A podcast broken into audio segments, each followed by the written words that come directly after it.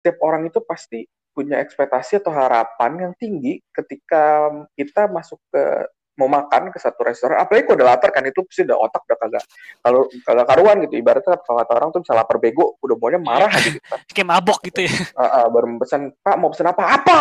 Iya, mau makan. Iya, Ibut bos namanya yang tawuran.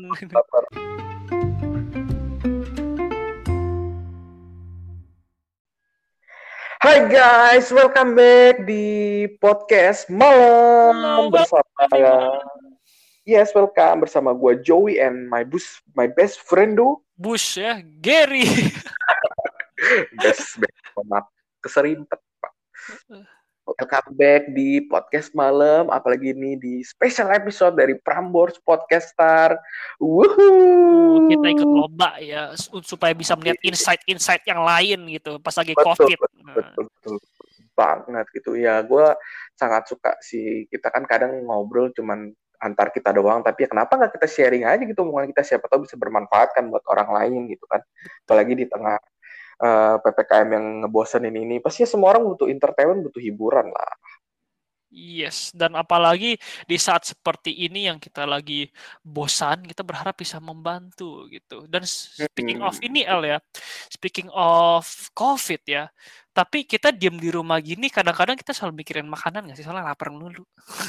iya sih, kalau gue sih biasanya ya kalau nggak dimasukin sama gue ya pesen Gojek gitu. Nah, lebih gampang, lebih easy kan dibandingkan iya. kita sebelum COVID harus datang jalan ke restoran, cari restoran, duduk, pilih menu, habis itu entah mau pesan apa, nunggu lama, makanan keluar nggak enak gitu kan. Aduh, puyeng dah. Iya, tapi itu benar banget sih, Gero. Gila, maksudnya setiap orang itu pasti punya ekspektasi atau harapan yang tinggi ketika kita masuk ke mau makan ke satu restoran, apalagi kalau udah lapar kan itu pasti udah otak udah kagak kalau kagak karuan gitu. Ibaratnya kalau kata orang tuh bisa lapar bego, udah maunya marah gitu. Kan. Kayak mabok gitu ya. Uh, uh, baru pesan, Pak mau pesan apa? Apa? Iya, mau makan.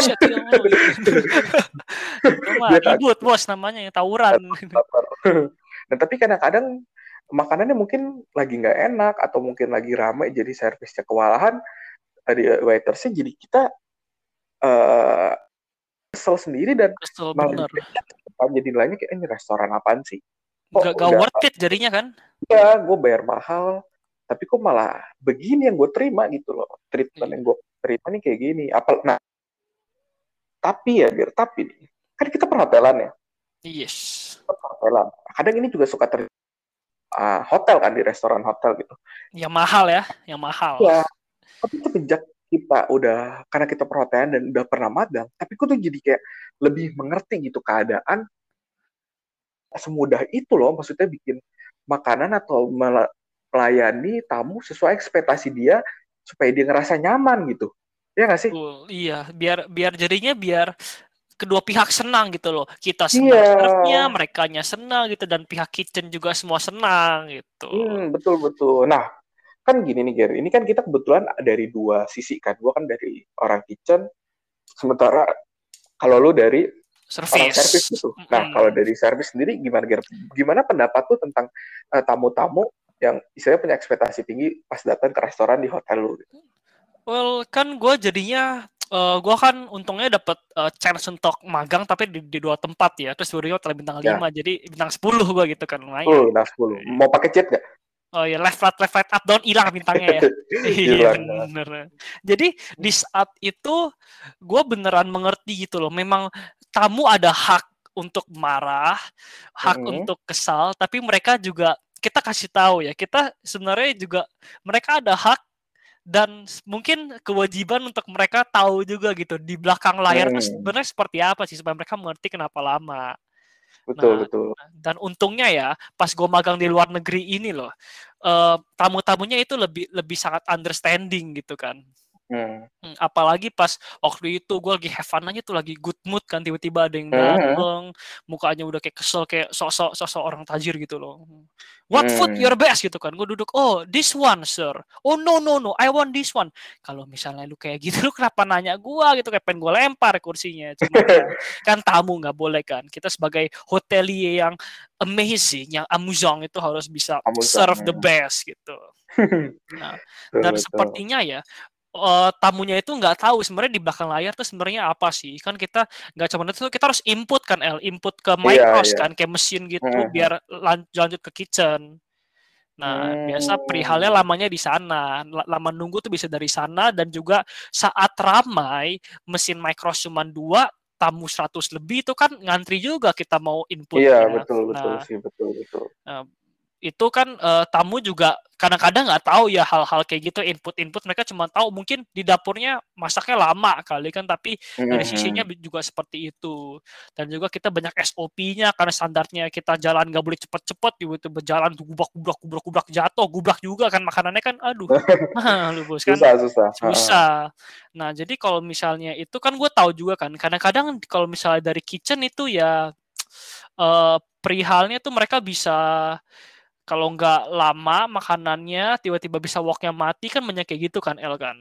Hmm. nah, tapi kan gue service nih kan. Nah kalau misalnya lu yang spesialisasi memang di kitchen itu kadang-kadang kenapa sih bisa seperti itu? Dan menurut lu apa yang tamu harus tahu gitu loh di dalam kitchen tuh seperti apa?